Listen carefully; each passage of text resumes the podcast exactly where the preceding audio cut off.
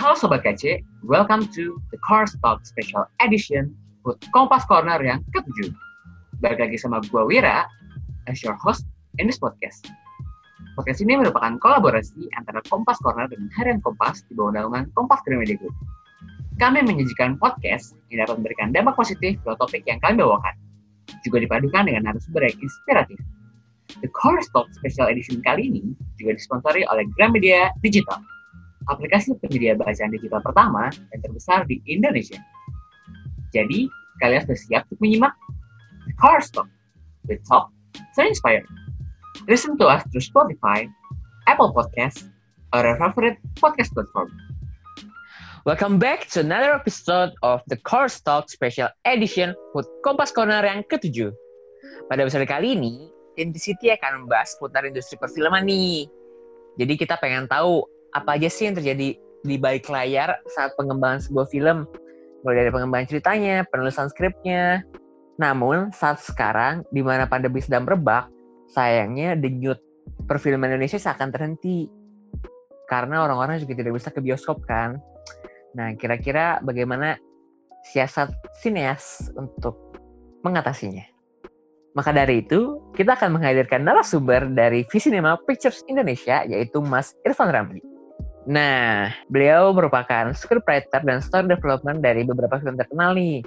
Mulai dari Filosofi Kopi 1 dan 2, Cahaya dari Timur, hingga NKCTHI yang baru-baru ini sangat meledak. Maka dari itu, langsung saja kita simak sharing dari beliau nih. Oke, langsung saja, let's check it out. Oke, selamat malam Mas Irfan. Terima kasih atas kedatangannya di podcast spesial Hood Kompas Corner kali ini. Nggak nggak datang loh, padahal duduk di rumah ini. iya, uh, iya sih. Nggak datang, nggak datang. Nggak datang. Kalau datang beda ceritanya. Ya, okay. terima kasih sama-sama sudah ngundang, sudah ngajak. Saya senang banget maksudnya apa yang bisa dibagi, apa yang bisa diceritakan dengan senang hati mati. Oke. Okay. Oke, aku mulai bahas dari latar belakang Mas Irfan dulu kali ya. Ya, boleh. Jadi Mas Irfan ini teman-teman dia, uh, dia beliau ini adalah story development dan scriptwriter yang sangat handal ya. Dia mulai dari karya-karyanya yang terkenal seperti ada di Terlalu Tampan, ada di NKCTHI kemarin yang booming banget, sama ada di Filosofi Kopi 1 dan 2. Ya. Nah, mantap banget nih masnya.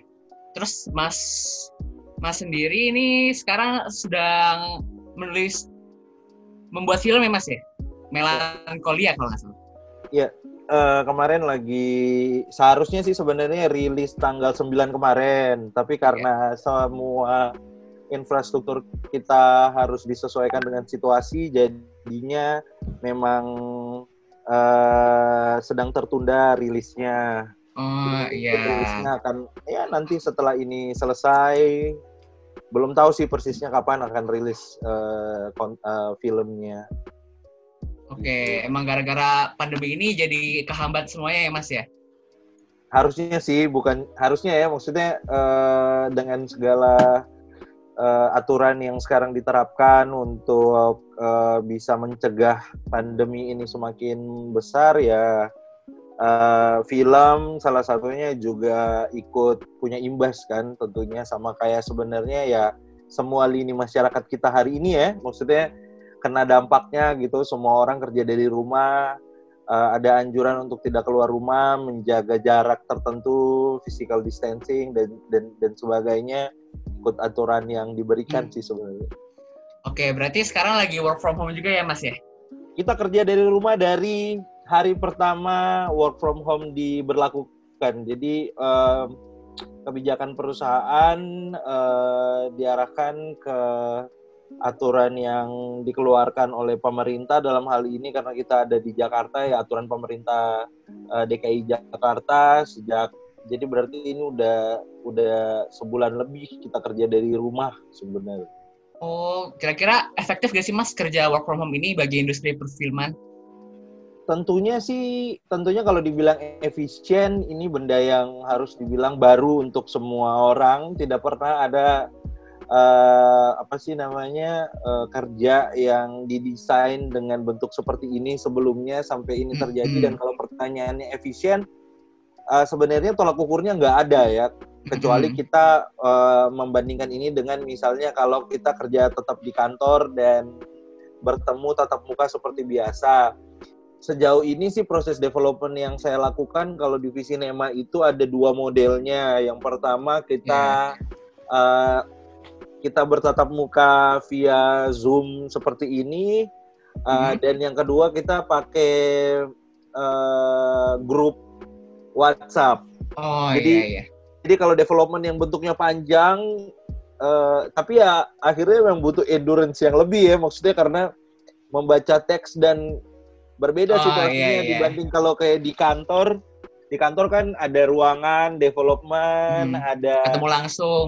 ada ketemu langsung. Kalau ini kan ya kita nggak nggak bisa gitu ngukur eh, apa sih namanya tingkat partisipasi langsungnya seperti apa. Walaupun juga walaupun juga dengan begini semua orang jadi dituntut lebih aktif ya karena Mm-mm. karena kita cuman punya kita cuma punya audio atau kita cuman punya visual yang terbatas seperti ini atau cuman punya teks yang bisa dipakai di di WhatsApp group misalnya untuk uh, kebutuhan development di mana uh, semua orang ya sebagai pekerja bertanggung jawab ya dia harus memberikan kontribusinya sih kurang lebih seperti itu. Oh, oke. Ini menarik sih Mas yang masalah story development sama nanti juga mungkin akan ngebahas ke scriptwriting. Tapi tadi yang kata Mas itu story development itu cara kerjanya kira-kira harus ada di ruangan terus masing-masing orang itu saling bertukar pikiran atau seperti apa, Mas? Uh, kalau divisi Nema itu kan yang menarik sebenarnya karena divisi divisi Nema punya yang namanya uh, story development lab gitu. Kita punya uh, tempat namanya Scriptura. Di situ saya jadi head story developmentnya. Jadi semua semua kerja storytelling yang kita lakukan di Visinema baik yang ujungnya hasilnya adalah theatrical release ataupun digital release itu kita kerjakan di dalam gitu dan uh, sebagai sebuah lab ini dikerjakan uh, dengan sekian orang sebagai penulis cerita, sebagai asisten, sebagai story editor gitu.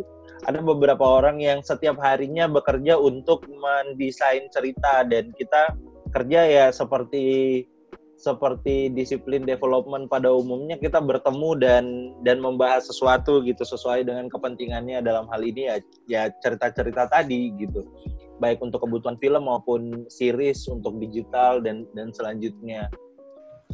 Oke nih Mas. Oke oke. Terus kalau misalnya untuk meniti karir nih Mas di bidang scriptwriting dan story development itu kira-kira bagaimana sih Mas?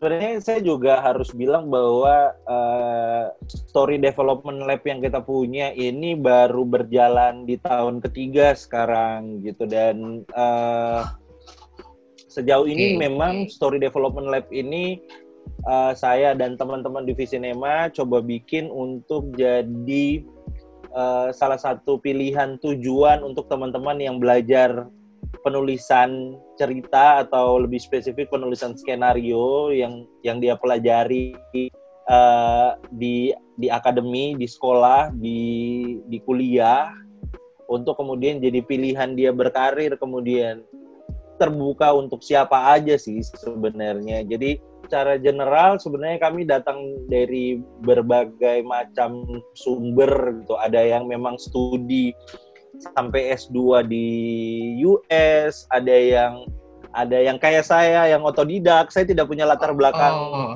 saya tidak punya latar belakang studi film justru gitu dibanding teman-teman yang lain. Saya punya saya punya teman-teman di kantor yang s- sekolah sampai S2 di US, eh, ada yang jadi dosen di IKJ, ada yang jadi eh, dosen di tempat lain gitu. Tapi daily mereka bekerja di Visinema sebagai penulis atau sebagai story developer. Salah satu resource juga kita pernah bikin yang namanya Visinema Campus. Visinema Campus itu waktu itu dia spesifik untuk penulis. Eh, jadi saya waktu itu sama teman-teman bikin program yang ujungnya kami menerima so far sudah ada tiga penulis dari program tersebut gitu. Jadi kita ngebayangin gimana caranya kita ngembangin sumber dayanya, kita uh, uplifting, kita coba bikin skill development untuk penulisan seperti apa dan lalu kemudian habis itu mereka buat di sinema gitu. Butuhin tuh apa aja sih mas? Biar kalau teman-teman ada yang tertarik banget nih di story development sama script writing itu tahu gitu skill yang harus dibagin apa aja gitu sebenarnya kalau misalnya skenario yang mampu menuliskan skenario dengan baik dalam hal ini ya Oh, menulis oke. segala sesuatu pendekatannya dengan visual karena karena approaching kita adalah visual storytelling penulisannya juga harus punya kapasitas visual yang baik gitu ya. Sebagaimana hal yang dipelajari di di kampus lah kurang lebih. Hal-hal yang yang basic sebenarnya. Sisanya sih sebenarnya lebih ke selain soal kemampuan dasar lebih ke bagaimana bagaimana kita menyesuaikan diri sama uh, lingkungan pekerjaan itu sendiri. Karena biar bagaimanapun di industri yang industri kita kan sebenarnya juga baru berkembang di beberapa tahun terakhir berkembang dalam artian Iya. kita punya banyak pilihan sekolah. Dulu orang kalau mau sekolah film ya kalau di Jakarta ya di IKJ ya kan? Sekarang ada pilihan lain seperti UMN misalnya atau Mhm. ada tempat-tempat lain yang juga memberikan ruang dalam hal ini belajar komunikasi visual gitu. Oke menarik banget. Jadi kayak harus bisa menyesuaikan dengan lingkungan sama skill setnya harus mumpuni lah ya untuk meniti karir di bidang ini. Ya kalau boleh dibilang kan sebenarnya sekarang hmm, kebutuhannya banyak pekerjaannya sedikit. Eh, Film sendiri sebagai sebuah industri gitu, sebagai sebuah kerja itu sangat menuntut yang namanya networking. gitu. oh iya Kita iya iya, iya. tergantung, kita tuh tergantung ada di mana sebenarnya. Saya selalu bilang bahwa eh, malah hampir kalau boleh dibilang menurut saya menulis itu bukan soal bakat sih, tapi kemampuan yang diolah dan diasah gitu dan Hmm. lalu kemudian eh, tinggal ketika kita punya kemampuan itu kita punya sesuatu yang kita buat bagaimana kemudian kita membawa diri kita ke lingkungan yang tepat gitu. Kemudian dia bisa memberikan pekerjaan atau memberikan output kerja yang baik dia akan mudah kemudian untuk diterima ke dalam lingkungan dan ya seperti biasa panggilan pertama akan berlanjut dengan panggilan kedua dan kemudian dia Ah. akan melakukan itu terus menerus iya iya. Saya punya saya punya teman-teman yang dimulai dari asisten asisten produser nanti belakangan kemudian dia jadi jadi produser juga gitu-gitu jadi ya selalu soal ada di mana sih dengan situasi yang kayak sekarang di mana kayak saya harus bilang kayak story development lab ini aja di Indonesia nggak banyak gitu maksudnya di Indonesia dalam hal ini yang ada di Jakarta ini kita bicara Jakarta karena biar bagaimanapun ekosistem film kita itu masih Ya. berpusat di Jakarta gitu. Oh, Maksudnya iya, ada iya. banyak sekali Iya, iya. teman-teman komunitas film di di di kota-kota lain misalnya kayak di Surabaya, di di Makassar. Tapi biar biar bagaimanapun eh, kenyataan pahitnya adalah eh, pusatnya masih ada di Jakarta di mana eh, perusahaan-perusahaan Hmm. film pun tidak semua punya bayangan untuk misalnya memperlakukan penulisan skenario itu sebagai sesuatu yang eh, harus ditreat sedemikian rupa gitu, harus punya ruang developmentnya, harus kerja kolaboratif. Eh, dengan perspektif yang agak old school, tidak sedikit eh, harusnya dan jumlahnya jadi lebih banyak dibanding yang berinovasi dengan menciptakan ruang-ruang baru seperti yang dilakukan di divisi Nema misalnya. Eh, Iya, lebih iya. banyak eh, lebih banyak yang justru ya sudah memproduksi film dia butuh penulis dia telepon penulis penulisnya eh, mengelaborasi ide yang dia punya dan lalu kemudian penulis eh, berikutnya tinggal mengirim draft skenario. Sementara sebagai sebuah mekanisme kerja sebenarnya ini kan pekerjaannya jauh lebih banyak dibanding itu ya. Maksudnya ya ada proses development itu sendiri. Cuman memang itu akhirnya belum jadi pilihan masif dan belum jadi standar yang berlaku di industrinya ketika ini berlaku di industri sebagai standar kerja mungkin akan lebih banyak orang eh, akan bisa punya akses untuk bekerja di di ruang yang yang dia inginkan dalam hal ini ya eh, misalnya penulisan skenario untuk film misalnya Oke oke oke. Jadi networknya juga penting gitu ya mas ya. Oke oke. Oke menarik banget nih mas. Eh, terus selanjutnya nih mas. Kira-kira kan pasti ini ada trial and error kan ya mas pada saat melakukan story development dan script script writing ini mas. Kira-kira apa sih mas kesalahan yang paling fatal kira-kira kalau menjadi scriptwriting sama story development ini? Jadi saya harus bilang bahwa proses uh, research sebenarnya. Jadi uh, mendevelop okay. cerita itu kan bukan cuma tentang kita punya pengetahuan tentang misalnya studi tiga babak cerita gitu atau delapan sequence cerita atau uh, 12 sequence cerita atau hero's journey atau apa pun kemudian tapi juga tentang bagaimana mengolah materi yang kita kerjakan untuk jadi konten tersebut gitu. Nah, yang paling penting tuh sebenarnya memang kesadaran membangun kultur kerja di mana research untuk sebuah cerita bahkan fiksi orang selalu mm-hmm. orang selalu menganggap bahwa research tuh kerja dokumenter. Enggak. Mm-hmm bahkan untuk mengerjakan sebuah cerita fiksi misalnya kalau kalau familiar misalnya kita ngomong tentang Money Heist misalnya. Oh eh La Casa de Papel. Kalau kita ngomong soal okay. Money Heist misalnya itu ada banyak sekali studi sosial yang yang di, bisa dipakai untuk menganalisa itu gitu. Itu artinya uh, segala sesuatu yang ada di dalam konten tersebut dia tidak bergerak berdasarkan imajinasi aja gitu. Dia tidak bergerak berdasarkan uh, keinginan visual aja tapi juga dia didasarkan pada realitas yang yang ada gitu. Di mana di mana akhirnya realitas ini cuma bisa terbangun ketika si story developmentnya dalam setidaknya ideal gitu loh. Uh, dia punya dia punya objektif yang jelas dan clear gitu untuk kemudian dia di orientasi semua orang dalam proses itu. Saya pikir skema ini kan biar bagaimanapun harus kita sesuaikan lagi gitu uh, dengan apa yang ada dan dan dengan resource yang ada dan dengan situasi yang kita miliki di di industri kita gitu. Gitu sih. Oke oke. Jadi research habis research harus ada komunikasi triangle terus hal-hal fundamental lainnya harus dipikirkan juga ya mas dalam membuat story development ini ya mas. Udah menarik banget ya kayaknya udah mantep banget nih tentang story development dan script writingnya. Oke, nah ini mas setelah corona selesai, hmm. kira-kira gimana nih mas? Kan sempat kayak terhenti sejenak kan proses terus film-film juga ditunda, dipospon penayangannya bukan hanya di Indonesia tapi di seluruh dunia juga ya. mengalami seperti itu kan.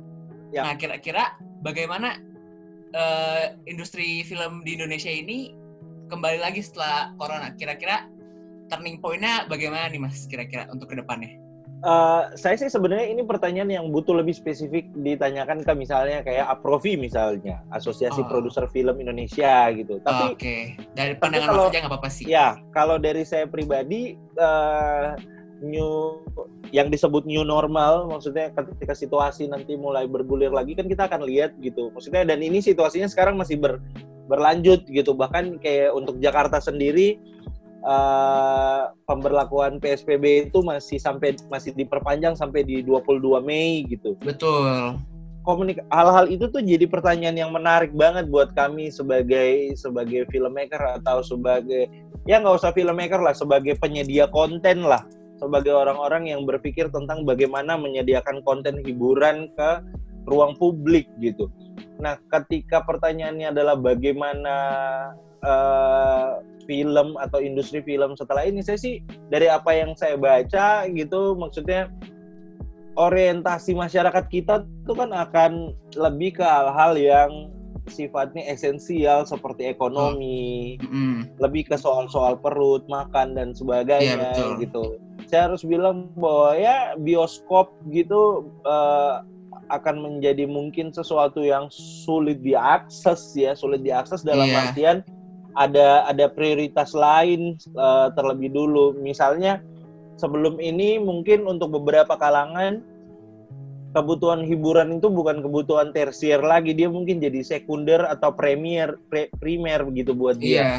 Tapi tapi ketika situasi ini terjadi, yang tadi dia akhirnya sudah jadi sekunder atau primer, dia kemudian kembali bergeser menjadi kebutuhan kebutuhan yang tersier gitu.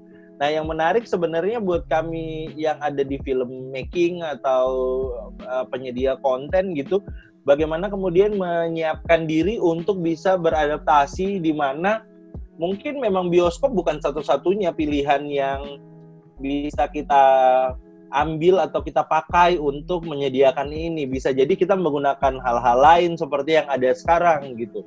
Misalnya kalau teman-teman memperhatikan misalnya konten apa sih sekarang yang paling banyak dikonsumsi di publik gitu. Ada angka research yang menyebutkan bahwa bahwa musik musik yang hmm. ada hmm. di sosial media itu trafficnya paling tinggi dibanding konten-konten lain misalnya. Oh, musik lagi tinggi banget ya mas ya? Musik paling tinggi sekarang orang lebih menikmati musik dibanding konten yang lain gitu. Itu ada ada ada ada risetnya based on angka ya, maksudnya hmm. sebagai traffic yang paling tinggi itu justru ya konten musik misalnya.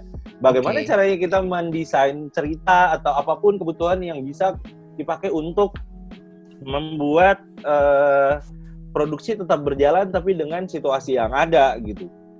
Hal-hal seperti itu sih sebenarnya.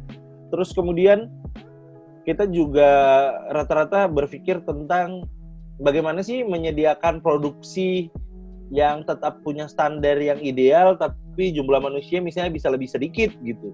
Itu kan hal-hal yang dibicarain hari-hari ini gitu dan bendanya sih masih terus masih terus mengikuti perkembangan sih karena ya situasinya juga demikian. Kalau kita pakai basisnya uh, pendekatan ekonomi misalnya kita akan lihat bahwa uh, ya growth ekonomi kita akan sangat kecil gitu loh uh, sampai akhir tahun nanti dan itu pasti ya berpengaruh dalam hal ini untuk uh, bisnis hiburan dalam hal ini penyedia film atau konten apa pun gitu gitu sih.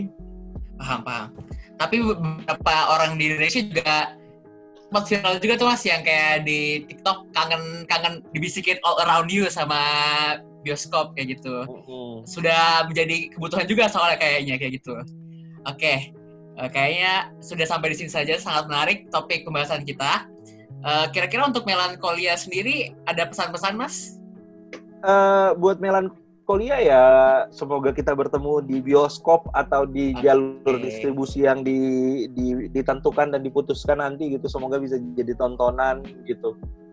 Itu aja sih. Uh, sisanya ya kalau saya sih bilangnya uh, situasi ini tuh yang paling penting uh, uh, tetap waras tetap uh, berkomunikasi dengan banyak orang yeah. ini nggak harus nggak harus produktif banget tapi minimal ada hal yang juga tetap diusahakan gitu tetap punya tetap punya target tetap punya optimisme karena biar bagaimanapun kita nggak pernah ada dalam situasi ini sebelumnya jadi untuk mempelajari itu butuh adapt proses adaptasi yang cepat dan lalu kemudian ya ya menemukan cara baru aja gitu untuk me melakukan apa yang mau kita lakukan sebenarnya yang tadinya kita lakukan di situasi normal sekarang kita lakukan dalam situasi yang serba terbatas seperti ini. Oke, okay. gitu.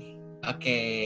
oke. Okay, kira-kira ada kesan-kesan kan kesan dan pesan buat Melankolia kan jadi sutradara pertama nih mas. Hmm. Film pertama yang sutradarai kira-kira ada kesan-pesannya mas? Pengalamannya gimana uh, gitu?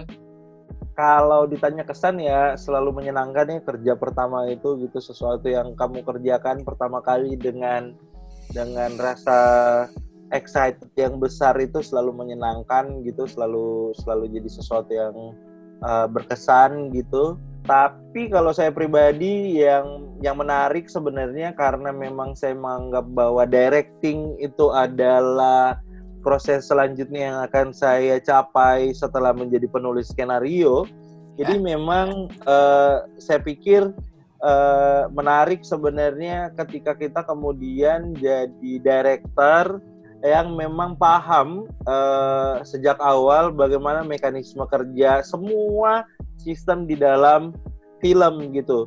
Jadi bukan cuma mengerti tentang pendekatan visualnya, tapi juga kita punya gitu aspek artistiknya, kita punya aspek uh, uh, soundnya, hal-hal yang kemudian akan membantu kita kemudian ketika uh, proses itu bergulir gitu. Dan salah satu salah satu yang menarik sih memang ya memulai karir uh, directing uh, dimulai dengan karir sebagai penulis skenario sih. Jadi bisa paham banget gitu apa yang apa yang dilakukan dan apa yang dibutuhkan. Itu sih. Oke, oke. Oke deh, Mas. Oke deh, kalau gitu terima kasih atas waktunya. Nah, ya. ini kan uh, Kompas Corner di ulang tahun nih. Boleh tolong dong ucapan untuk Kompas Corner nih di ulang tahun yang ketujuh ini. Uh, selamat ulang tahun yang ketujuh untuk Kompas Corner. Semoga uh, jadi manfaat, jadi ruang yang selalu menyenangkan, positif untuk semua orang, selalu jadi yang mempertemukan orang-orang karena dalam kerja-kerja kreatif gitu pertemuan itu salah satu harta paling berharga sebenarnya. Jadi mempertemukan, memperkenalkan, menciptakan koneksi satu kelompok dengan kelompok yang lain itu jadi jadi penting sekali dan semoga Kompas Corner bisa jadi itu gitu dan selalu punya manfaat buat lingkungannya. Itu aja sih, okay. terima kasih. Thank you Mas. Terima kasih banyak. Terima kasih banyak, Mas Irfan waktunya. Terima kasih banyak. Wah, terima kasih banyak nih Mas Irfan atas insight yang keren-keren banget. Terutama untuk Sobat KC yang ingin berkarir di industri film. Nah, for the summary, mungkin singkatnya ada tiga poin yang ingin saya simpulkan. Poin pertama adalah skill set. Skill set yang baik untuk bidang pekerjaan kamu. Misalnya jika kamu menjadi story development atau scriptwriter, kamu harus memiliki skill set yang baik seperti skill set menulis, cara merangkai kata, cara merangkai cerita agar dapat dimengerti dengan mudah oleh orang lain. Lalu juga poin kedua ada lagi networking. Networking berguna saat kamu membutuhkan orang lain untuk dapat diajak bekerja sama. Poin ketiga adalah komunikasi. Di mana dalam proses pembuatan film, komunikasi antar tim sangat diperlukan. Terutama untuk seorang scriptwriter, diperlukan komunikasi yang penting antara sutradara, scriptwriter, dan produser. Kira-kira keinginannya seperti apa, bagaimana ingin cerita dibangun, hingga akhirnya akan ada jalan tengah yang dapat diambil. Nah, juga ada poin tambahan nih. Jika kamu ingin memulai karir sebagai scriptwriter, perbanyaklah literasi atau membaca buku-buku sehingga kamu memiliki banyak kosakata sehingga lebih naratif saat menceritakan ceritanya.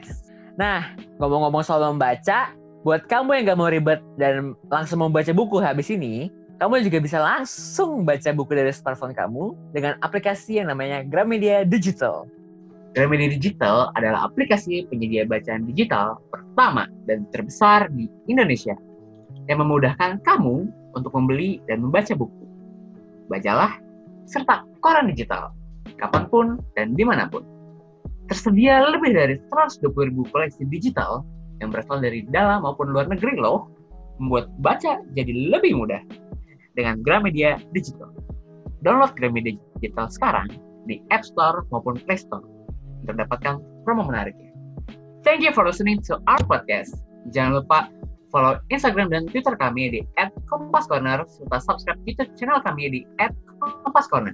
Juga buat kamu yang gak mau ketinggalan berita terkini dari Harian Kompas, bisa berlangganan kompas.id di smartphone kamu atau kunjungi website kompas.id. Thank you for listening to our podcast, The Car Stop. We talk to inspire.